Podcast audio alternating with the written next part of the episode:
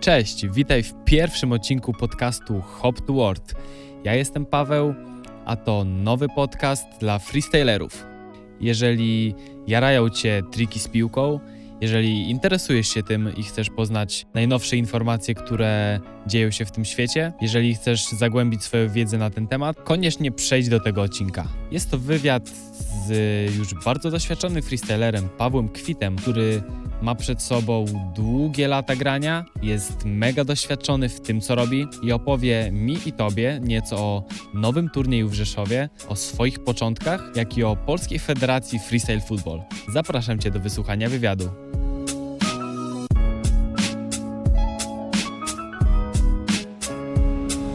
Cześć Paweł. Cześć, witam. Powiedz na sam początek, co podbiłeś ostatnio na, na treningu. Był to trening e, z Filipem Chudzińskim, pseudonim Fichu. Serdecznie go pozdrawiam. I na koniec treningu podbiłem swoje trzecie w życiu Jago ATW.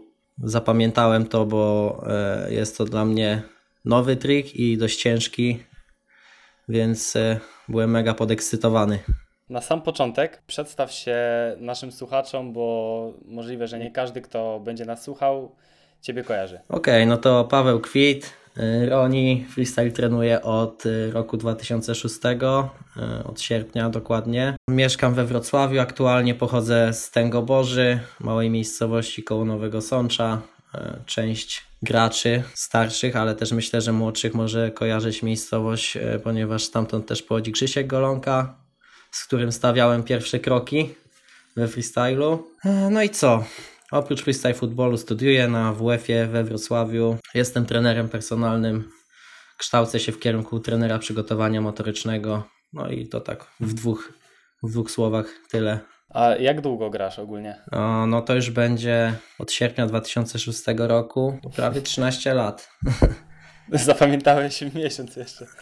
Tak, pamiętam, te, pamiętam ten miesiąc y, dokładnie, bo y, wtedy zarejestrowałem się na forum Wtedy to był forum LG.com, albo to była nawet jeszcze wcześniejsza nazwa, bo to forum miało jakąś wcześniejszą nazwę, której dokładnie nie pamiętam teraz. Ale pamiętam dokładnie datę zarejestrowania i to był dzień, w którym zrobiłem swoje pierwsze kółko, więc tak symbolicznie e, mniej więcej od wtedy liczę, liczę mój start kariery. Powiedz na sam początek w ogóle skąd zaczęła się Twoja przygoda z z tym freestylem, no bo większość na przykład zaczynała z filmików na YouTubie, jedni się kimś zainspirowali, jeszcze inni chcieli to umieć, jeszcze inni grali w piłkę, a jak to u Ciebie jest w ogóle? Znaczy, tak jak e, u większości graczy z tamtego pokolenia, e, zaczęło się od filmików Joga Bonito, czyli to była wtedy taka kampania reklamowa tworzona przez Nike z udziałem takich graczy jak Cristiano Ronaldo, Zlatan Ibrahimowicz, Ronaldinho. No i wtedy byliśmy mega zajarani w ogóle tymi reklamami, tymi trikami, które widzieliśmy. A poza tym, no to tak jak wcześniej wspomniałem, y, w Tęgoborzy freestyle trenował Krzysiek Golonka już od 2005 y, roku. No i tak się złożyło, że mój brat chodził z nim do klasy E, wtedy w gimnazjum. E, zabrał mnie pewnego dnia, to był chyba luty, z tego co pamiętam, na jego trening. No i to był pierwszy raz, kiedy zobaczyłem freestyle i tak pół roku we mnie to dojrzewało i po sześciu miesiącach, dokładnie po pół roku zacząłem trenować razem z Krzyśkiem razem jeszcze z takim jednym kolegą. Później nas było jeszcze więcej. Tam kurczę w pewnym momencie z, chyba z ośmiu albo dziewięciu freestylerów było w Tęgoborzy, także fajnie się to rozrosło jak na tam kilku kilkutysięczną miejscowość. No i w sumie to były takie początki, czyli tak naprawdę to wszystko się zaczęło dzięki Krzyśkowi, e, no i dzięki tym, tym reklamom i tej takiej zajawce na triki, bo wtedy to się tak w Polsce rozrosło fajnie. Tam była taka kampania związana e, z tymi, z tymi właśnie, z tym Joga Bonito, że e, ludzie wrzucali swoje triki, swoje filmiki, takie łańcuszki e, trików. Także, także fajna moda. No i w, dzięki temu dużo, dużo z nas e, właśnie tych takich powiedzmy oldschoolowych freestylerów zaczęło grać. Szukając rozmówcy, do tego pierwszego podcastu, natrafiłem na Twój wpis na grupie Polish Freestyle, gdzie zrzeszają się wszyscy freestylerzy, z informacją na temat nowego turnieju w Rzeszowie, który rozumiem Ty organizujesz, tak? E, tak, zgadza się. Pomysł wyszedł ode mnie, w realizacji pomagają mi jeszcze chłopaki z Rzeszowa i, i Robert Guzik, bo razem e, byliśmy tam właśnie na miejscówce nie tak dawno patrzyliśmy jak to wygląda, rozmyślaliśmy nad koncepcją turnieju. No, aczkolwiek no, pomysł wyszedł ode mnie, tam Konrad e, też mi bardzo pomaga w Rzeszowie, e, jeśli chodzi o znalezienie sponsorów, jakiegoś wsparcia, także, także fajnie. A w ogóle powiedz, dlaczego robisz ten turniej? No bo niektórzy mogą stawiać na takie aspekty jakieś finansowe, żeby zarobić, a niektórzy po prostu, no nie wiem, jak to u Ciebie jest? Dlaczego to robisz? Szczerze to pomyślałem sobie, że w polskim freestylu brakuje takich luźnych turniejów. No nie ukrywam, że zainspirowałem się głównie tymi turniejami y, japońskimi, czyli Vibes Kings, gdzie tych edycji tam mieli już chyba pięć i naprawdę za każdym razem się to ogląda bardzo fajnie. Formuła jest bardzo luźna, widać, że to jest turniej stworzony dla graczy, jest super vibe, super atmosferka i też no, widać, że wszyscy się bawią, nie ma też takiej spiny, kurczę, nie ma jakiegoś prowadzącego, który jest ubrany w krawat i i co chwila dziękuję sponsorom i burmistrzowi gminy.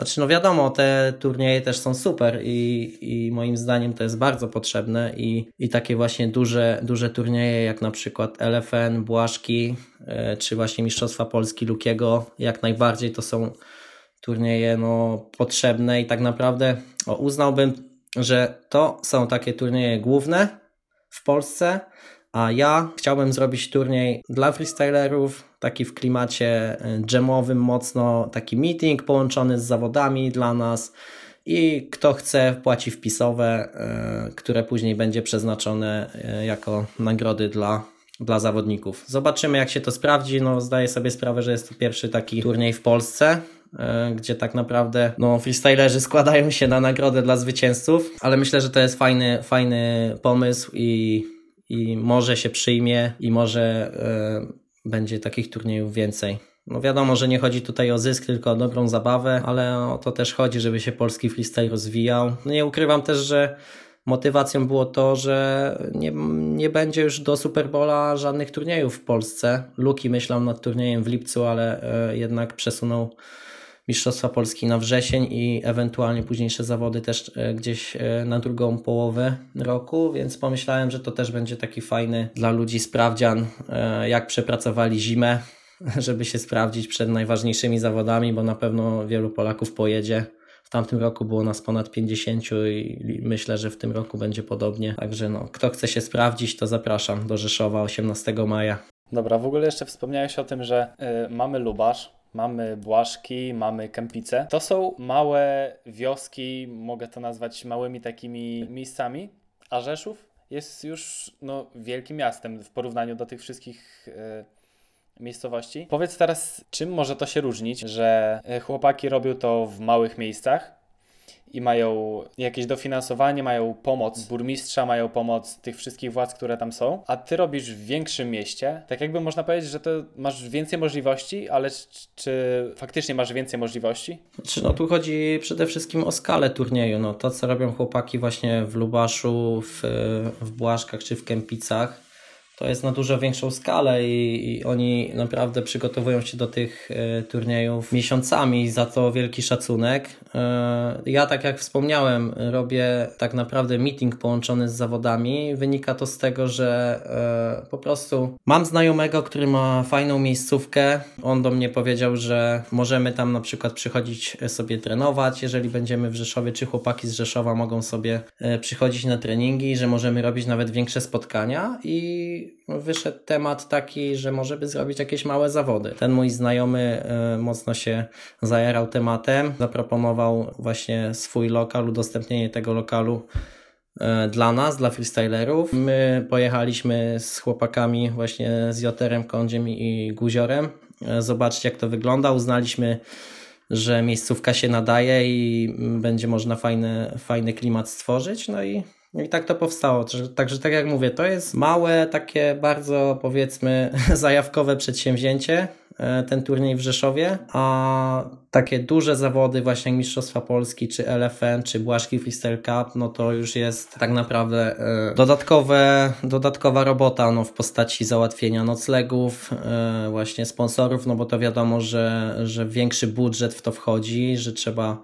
właśnie i to jakoś nagłośnić e, w lokalnych mediach e, i plakaty i powiedzmy właśnie jakieś wsparcie ze strony władz lokalnych. Także no to jest tak naprawdę wielomiesięczna praca, a u nas jest to pomysł. Znaczy no wiadomo, że też jest to nasze zaangażowanie, bo trzeba wszystko to jakoś tam organizacyjnie ułożyć, ale na pewno jest to mniejsze przedsięwzięcie niż te duże turnieje właśnie takie jak LFN, MP czy BFC, więc szacun dla chłopaków, że to robią, bo zdaję sobie sprawę, jak dużo to jest roboty. No a właśnie tak jeszcze odnosząc się do pytania, bo wiem do czego piłeś, wydaje mi się, że wynika, e, zawody w mniejszych miejscowościach wynikają z tego, że no zazwyczaj w, w przypadku właśnie Lukiego, Juska czy Mistrego, no są to miejscowości, w których gdzieś tam oni mają kontakty, mają swoich znajomych i wiadomo, że łatwiej e, jest w takich mniejszych miejscowościach zrobić turniej, ponieważ e, te miejscowości też dostają jakieś dotacje na, na rozwój kultury,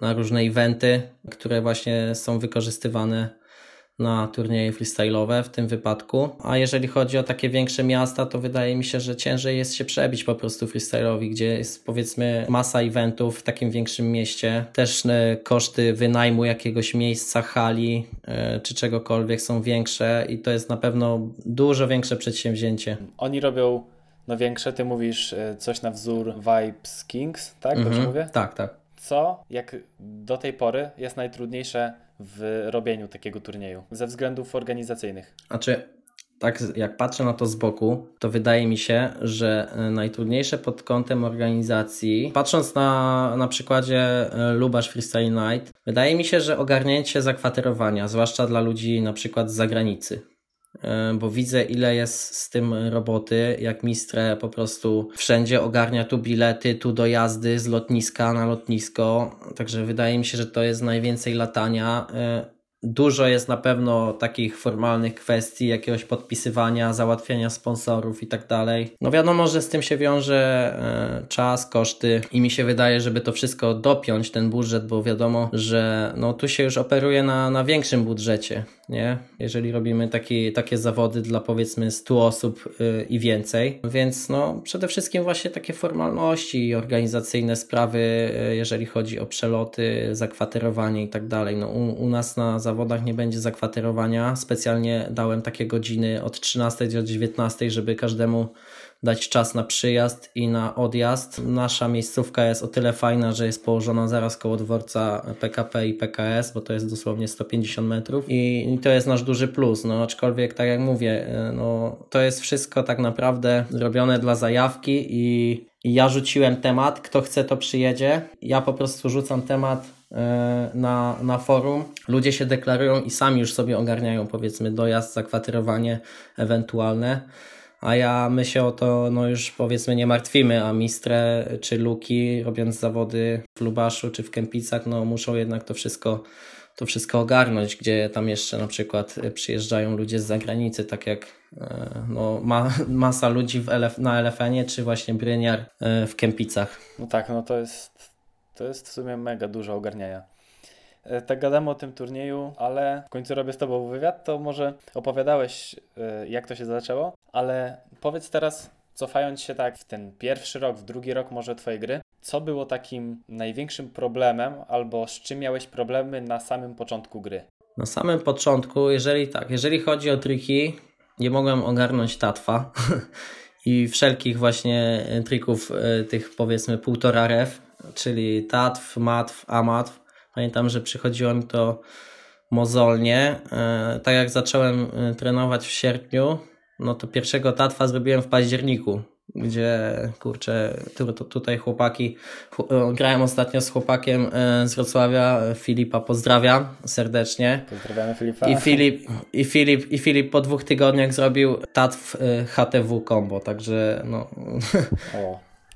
Znaczy to też świadczy o jego talencie, ale też świadczy o tym, że ja musiałem się tam grubo namocować z tymi, z tymi e, pierwszymi, z pierwszymi krokami e, we free. E, jeżeli chodzi o takie sprawy powiedzmy zdrowotne, no to musiałem się na pewno namęczyć z pachwiną, bo mi dokuczała na początku, jak w sumie większości freestylerów chyba, bo często widzę te, te na, na różnych grupach te tematy są poruszane, właśnie co, co, co z pachwiną, z udem, z przywodzicielem, każdego coś boli. A miałeś kiedyś kontuzję jakoś? Tak, właśnie e, w swoim drugim roku gry złapałem taką poważniejszą kontuzję. E, było to naciągnięcie mięśnia czworogłowego i męczyłem się z tym, kurczę, chyba, chyba ponad rok tak naprawdę. Też e, no, powód e, kontuzji był dość zabawny, właściwie w sumie głupi, bo wykonałem chyba 3,5 godzinny trening i poszedłem na trening piłkarski, bo jeszcze na początku łączyłem e, granie w, w, piłkę w lokalnym klubie i freestyle. No i po tym 3,5 godzinnym treningu free poszedłem i i kopnąłem z całej siły piłkę na bramkę z połowy, no i strzeliło. No i miałem z głowy później następny rok. Trenowałem oczywiście, no wtedy skupiłem się bardziej właśnie na stylu upper, na jakichś tam podstawach w SD. Chyba na dobre mi to wyszło, bo nigdy nie lubiłem tych stylów, na początku zwłaszcza, więc, więc yy, przynajmniej jakaś tam wszechstronność wjechała. Inaczej to bym tylko tego lowera cisnął. A jak wyleczyłeś tą kontuzję? W ogóle jakieś, nie wiem, chodziłeś po lekarzach, czy próbowałeś coś samemu cisnąć? Znaczy nie, usłyszałem diagnozę i tak, tak naprawdę na własną rękę jakieś maści, opaska uciskowa, starałem się po prostu ograniczać e, ruch w tej nodze. No, ja byłem wtedy mega aktywnym dzieciakiem, bo miałem 13 lat, więc ciężko było i pewnie dlatego też e, męczyłem się z tym ponad rok, bo gdybym tak naprawdę usiadł na tyłku, to dałoby się to wyleczyć w parę miesięcy, ale ja cały czas trenowałem, e, kombinowałem, jak tu nie obciążać tej nogi, ale jednak zawsze ona swoje dostawała. Wiadomo, jak to jest przy freestylu. I jakoś tak na własną rękę starałem się to robić. No na szczęście nie, nie ma śladu już po tym, także, także wyleczyłem to do końca. Trochę to trwało, ale udało się. Często jest takie przekonanie, że teraz ludzie podbijają triki, szczególnie tacy młodsi albo gracze, którzy zaczynają z free, podbijają jakieś triki, na przykład, nie wiem, jakieś trzy rewy albo dwa rewy, a nie ogarniają podstaw. No, zgadzam się. Wydaje mi się, że jest taka tendencja. Nie wiem, czy mogę tu mówić właśnie o jakichś błędach, popełnianych e, przez młodych graczy, bo no, to jest jednak freestyle i każdy gra tak jak chce. E, no jeżeli e, młodzik chce, chce grać trzy rewy, no to wiadomo, że nie można mu, mu tego zabronić i szacunek, jeżeli jest w stanie wykręcić powiedzmy po kilku miesiącach y, trójkę. No aczkolwiek ja, gdybym teraz zaczynał, na pewno skupiłbym się na podstawach przede wszystkim. Wiąże się to z, ze stylem, z opanowaniem y, na, później na zawodach, bo zauważyłem, że jak nie gra się podstaw i jest y, od razu parcie na te takie trudniejsze triki, to zauważam, że brakuje też takiej osobie kontroli później na turnieju, że nie ma takiego opanowania, a jednak e, granie tych podstaw e, pomaga ci w tym, żeby e, złapać tą kontrolę. Znaczy tak, na pewno młodsi gracze mają teraz o tyle e, problem, że trików jest dużo więcej i wiadomo, że chciałby się człowiek nauczyć wszystkiego. I też poniekąd rozumiem to, że każdy młodzik już od razu chciałby y, zrobić pięć trójek, umieć jakieś fajne przejścia i jakieś fajne kminy na SD, aczkolwiek no moim zdaniem trzeba się skupić na tych podstawach, czyli na tym od czego ten freestyle się zaczął, czyli te basic triki, w każdym stylu. Też, żeby złapać taką kontrolę i opanowanie piłki, bo często widzę, zwłaszcza młodych graczy, którzy powiedzmy zaniedbali podstawy, że e, tej kontroli na zawodach brakuje. I myślę, że to jest tym wszystkim najważniejsze. Wydaje mi się jednak, że ci młodsi zawodnicy po pewnym czasie jednak dochodzą do tego, że, że jest to ważne i jednak zaczynają ogarniać te podstawy. Ja też rozumiem, że część może mieć ból głowy e, ze względu na mnogość tych trików i po prostu teraz już w każdym stylu po prostu przeróżne rzeczy ludzie wyprawiają i tak naprawdę nie wiadomo za co się zabrać. Tak mi się wydaje, że jednak powinno się zaczynać od podstaw, iść e, w cierpliwie w górę i na, na trzy rewy przyjdzie, przyjdzie czas i na jakieś e, fajne, mega trudne przejścia. No właśnie myślę, że ogólnie teraz jakoś w tych czasach, nie mówiąc tylko o freestylerach, ale ogólnie o ludziach, to też mają coś takiego, że chcą wszystko teraz, no nie? Wszystko, co jest, nie wiem, zamawiasz na przykład książkę. Chcesz mieć ją już na, na teraz, jak się spóźnia tam jeden dzień, to jest masakra. Jeszcze wracając do ciebie. Kiedyś kojarzyłem cię głównie z konkurencją Challenge. Wiem, że w tamtym roku startowałeś i pamiętam właśnie naszą rozmowę na Super Bowlu o tym, jak się przygotowałeś. Powiedz coś więcej na temat tego, jak ci poszło wtedy i jak przygotowywałeś się, aby najlepiej się pokazać na Challenge. No, na Super Bowlu poszło mi fatalnie, muszę powiedzieć. W ogóle był to mój pierwszy Super Bowl yy, i w co ciężko uwierzyć, bo trenuję już bardzo długo ale jakoś nigdy, nigdy nie było mi po drodze.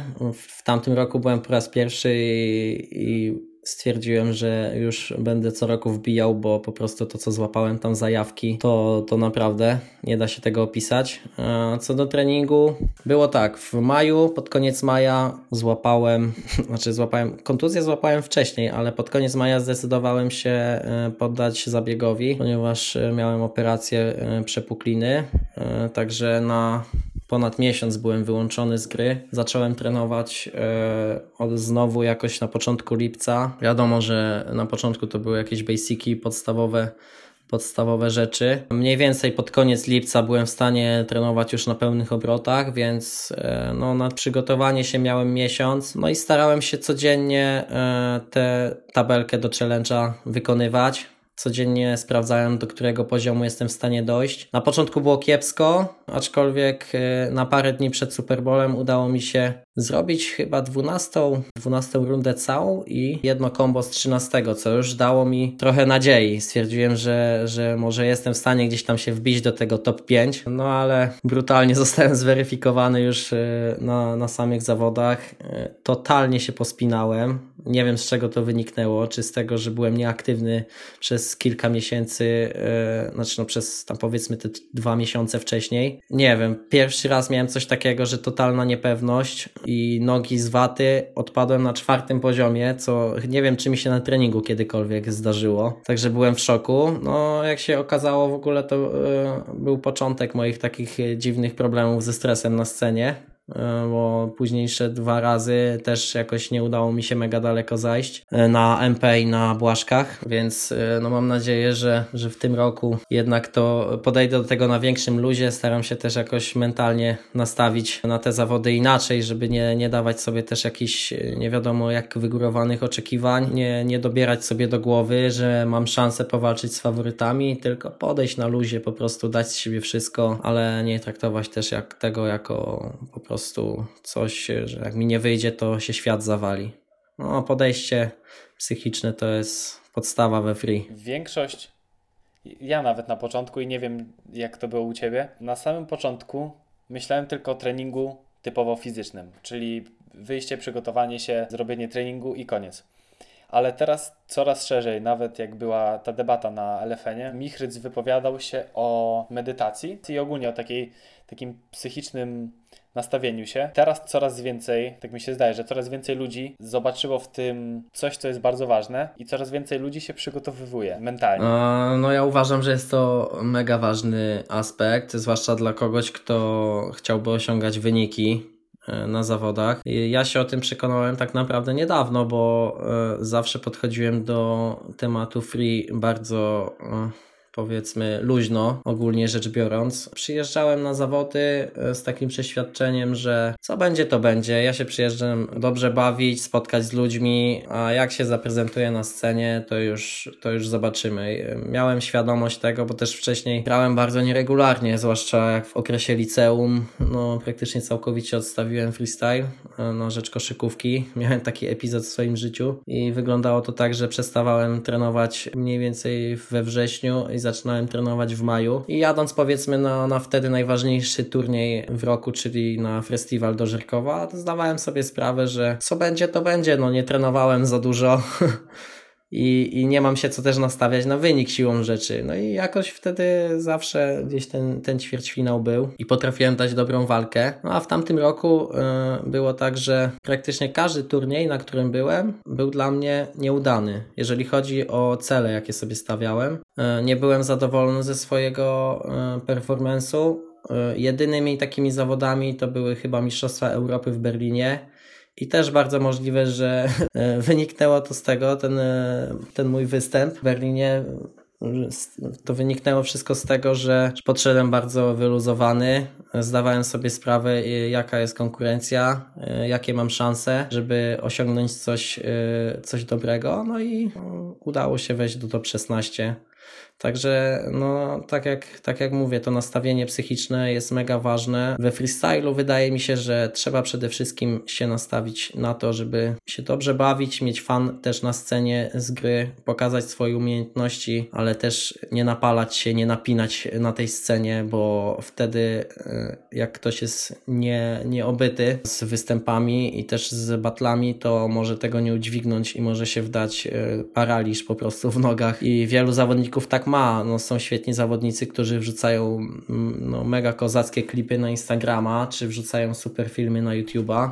No tak, tak. A jak przychodzą zawody, to po prostu sali się trzęsą, no i nie, jest, nie są w stanie zaprezentować 20% z tego, co tam mają w arsenale swoim. Także to, co, to, co Michrys mówił, on też fajne, fajne podejście stosuje, że zawody zawodami i wiadomo, że wynik jest e, dla niego ważny, skoro startuje, ale grunt to jest przede wszystkim fan i czerpanie przyjemności z freestylu. Jeżeli chodzi właśnie o jakieś takie metody, medytacja e, i tak dalej, e, jeszcze nie jestem w stanie nic na ten temat powiedzieć, ale na pewno na te najważniejsze zawody, czyli na, na Super Bowl, zamierzam się e, mentalnie przygotować i na pewno coś w tym temacie będę działał. Nie wiem jeszcze co dokładnie, ale na pewno coś, żeby, e, żeby się skoncentrować. Na pewno będę jakieś techniki stosował, bo w, na podstawie ostatnich turniejów no zobaczyłem, że, że mam z tym problem po prostu.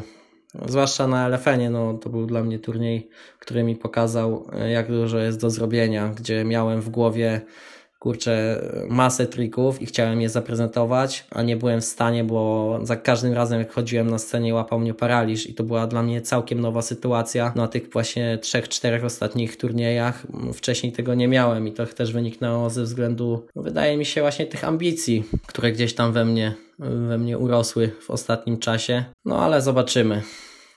Jeszcze jest trochę czasu. Mam nadzieję, że, że sobie poukładam pewne sprawy przede wszystkim jakiś tam koncept na grę sobie ułożę, to jest najważniejsze. Wiadomo, że nie, nie ma co grać ułożonych setów i trzeba, trzeba się fajnie też wczuć w battle i słuchać muzyki, ale też wydaje mi się wychodzenie całkowicie e, no, na luźno to też nie jest, nie jest metoda. No, takie jest moje zdanie. Troszkę się rozgadałem i w sumie mogło wyjść z tego masło maślane, ale, ale no myślę, że poruszyłem najważniejsze, najważniejsze co, czyli to, że e, no, we freestylu jest mega ważny ten aspekt właśnie mentalny i przygotowania takiego psychicznego. W ogóle wspomniałeś o tych ułożonych setach. Co myślisz o graniu ułożonych wcześniej setów? Czy to już podchodzi pod freestyle? Czy warto go stosować, czy nie warto go stosować? Jak to jest Twoim zdaniem? Zależy według mnie, bo jestem całkowitym przeciwnikiem e, układania 30-sekundowych setów, które po prostu z zawodów na zawody jesteśmy w stanie u niektórych graczy po prostu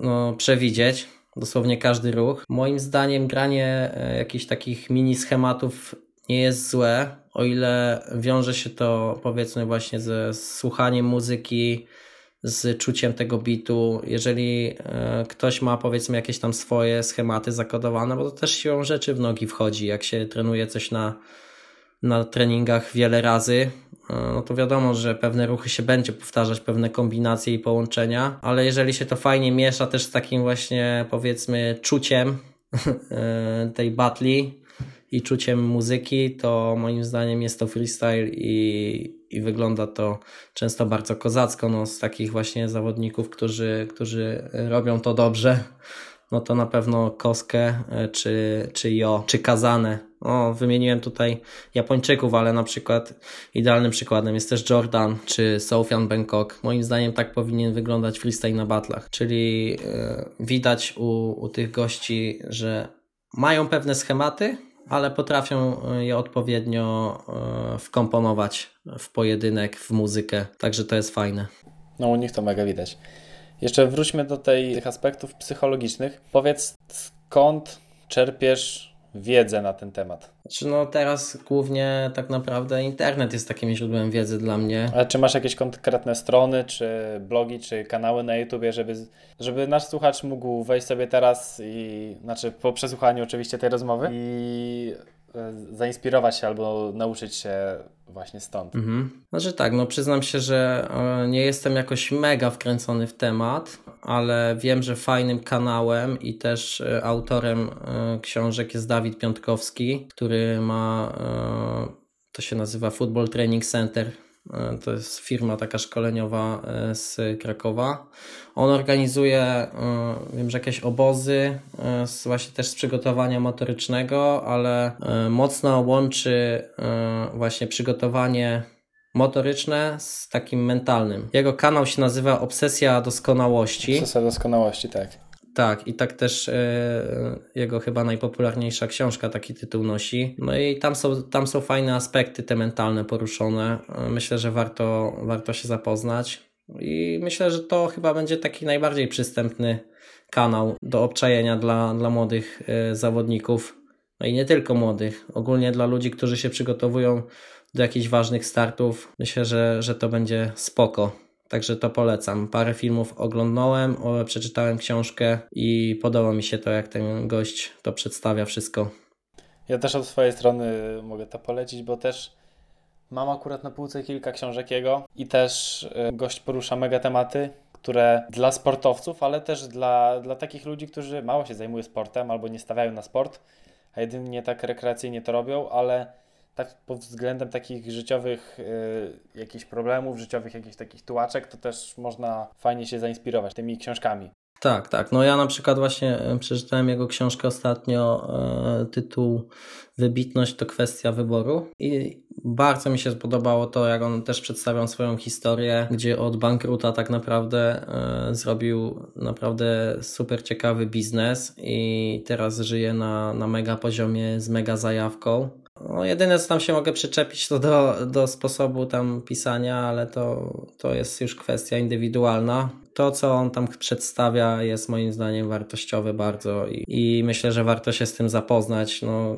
gość e, tak naprawdę przedstawia przepis na sukces w tej książce i, i na swoim kanale i na pewno będziemy, będą mogli wszyscy tak naprawdę, tak jak mówisz, nie tylko, nie tylko freestylerzy czy sportowcy, ale tak naprawdę każdy przeciętny zjadacz chleba, który e, tkwi powiedzmy w swoim życiu, którego nie lubi, będzie mógł się zainspirować i, i może jakoś ruszyć do przodu.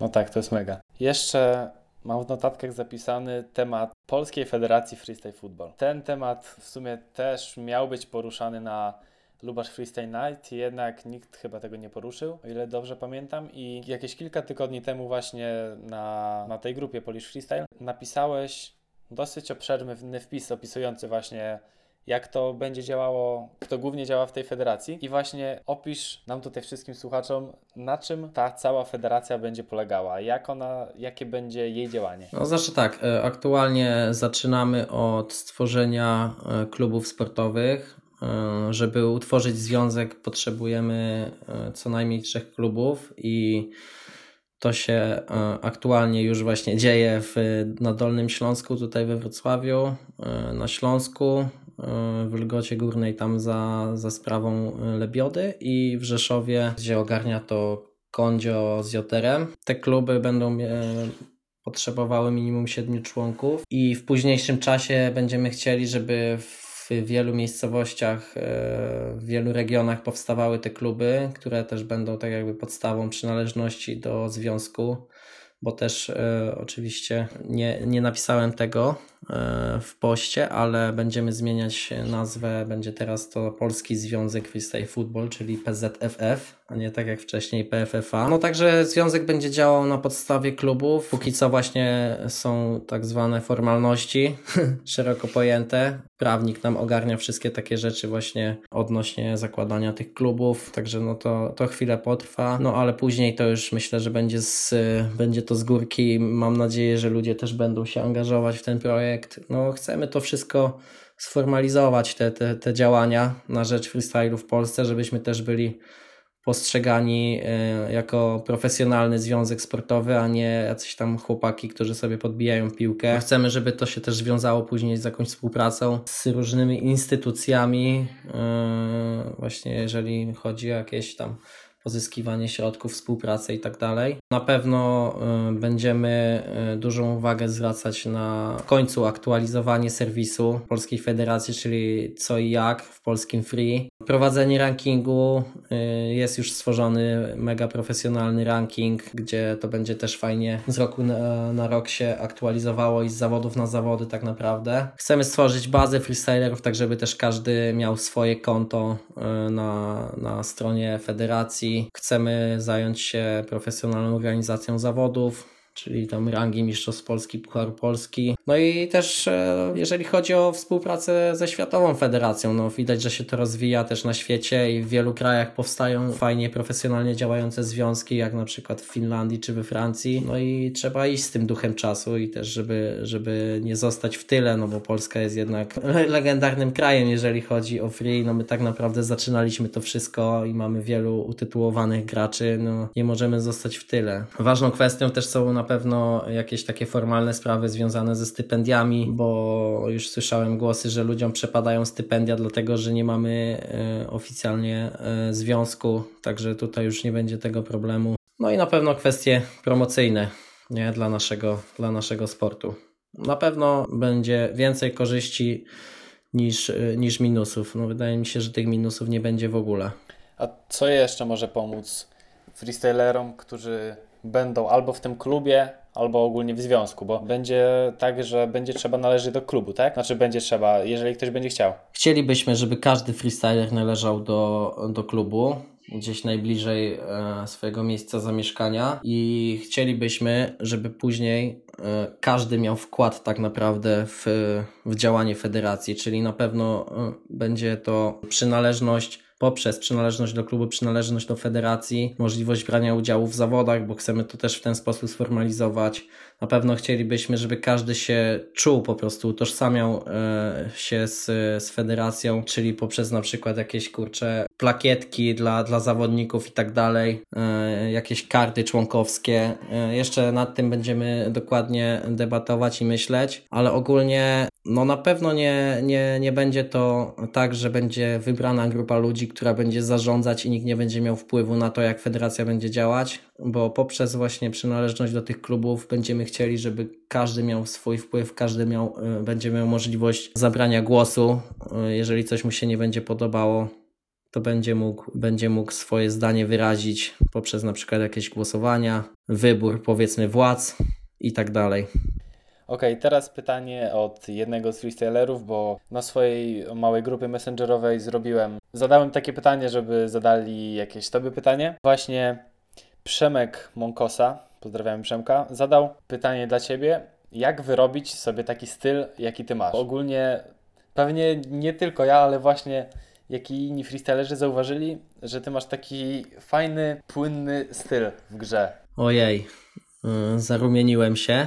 Dziękuję za, za komplement ukryty w tym pytaniu. No już wcześniej chyba o tym wspominaliśmy, że wydaje mi się, że chodzi o te podstawy. Ja, tak jak mówiłem, męczyłem się bardzo długo z pewnymi trikami i dużo czasu na początku poświęciłem na, na te podstawy ale wydaje mi się, że właśnie zwróciło mi się to w postaci takiej kontroli i powiedzmy opanowania, która, które się składają na ten styl. No, mm, jak sobie obczaicie moje stare filmy, mam je gdzieś jeszcze sprzed 10-11 lat, to ten styl wcale nie wyglądał tak fenomenalnie, ale z biegiem czasu wyrabiało mi się to. No i myślę, że podstawą, podstawą do tego były podstawy. O, to, jako, to, to będzie dobra myśl.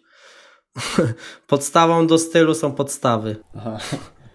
Tak mi się wydaje. Także dziękuję, dziękuję za komplement i, i, i z mojej strony to mm, właśnie takim apelem to jest grajcie podstawy, a będzie kontrola i będzie styl. Grajcie podstawy ludzie. Dobra, ostatnie pytanie. Często w wywiadach w ogóle takich na moich freestyle E, robiłem trzy szybkie. E, jak masz w jaka to melodii kiedyś było chyba coś takiego jak trzy szybkie, mhm. ale to będą trzy szybkie pytanie. Jaką piłką najlepiej ci się gra? Adidas Telstar. Drugie pytanie. Najlepsza trójka, jaką kiedykolwiek podbiłeś? I to jest też pytanie od jednego z właśnie uczestników tej grupy. No to chyba Alternative Pale. Apatw. Okej, okay. i trzecie pytanie. wolisz grać trening z muzyką czy bez? O, zdecydowanie z muzyką. Chociaż czasami mam tak, że jeżeli y, chcę się mocno skupić i mam jakąś kombinację do podbicia, to lubię e, ciszej, lubię nawet sobie coś pogadać do siebie pod nosem, wtedy jakoś się zmotywować. Ale 90% treningów to jest z muzyką. Dobra, i zdaje mi się, że to by było chyba już na tyle. No i super. Dzięki za super, rozmowę. dzięki wielkie. I dzięki za te wszystkie pytania. Czy chcesz, nie wiem, kogoś pozdrowić albo co, coś powiedzieć jeszcze? Tak. W e... apelu grajcie podstawy, ludzie. Tak. Podstawą do stylu są podstawy. E... Nie no, dzięki za rozmowę. Miło mi, że y, czuję się wyróżniony, że, że wybrałeś mnie do tego podcastu. Y, z mojej strony chciałbym tylko przeprosić, jeżeli się zamotałem gdzieś albo gadałem, y, jakbym miał zatkany nos, bo tak w istocie jest. Jestem chory od tygodnia. Pozdrawiam Ficha, z którym dowaliłem mega trening i Filipa tydzień temu. Trzyma mnie do dziś po prostu. tamto, tamto granie. No a poza tym to co? Pozdrawiam wszystkich starszych graczy, młodszych graczy. Zapraszam do wbijania na Rzeszów Freestyle Jam 18 maja. Będą super zawody na zajawce, także każdy, kto chce sobie przed Super Bowlem sprawdzić formę i nie tylko, zapraszam. Dobra, no to to by było chyba na tyle. Dobra, dzięki za rozmowę i do zobaczenia. Super, dzięki, do zobaczenia. Piona.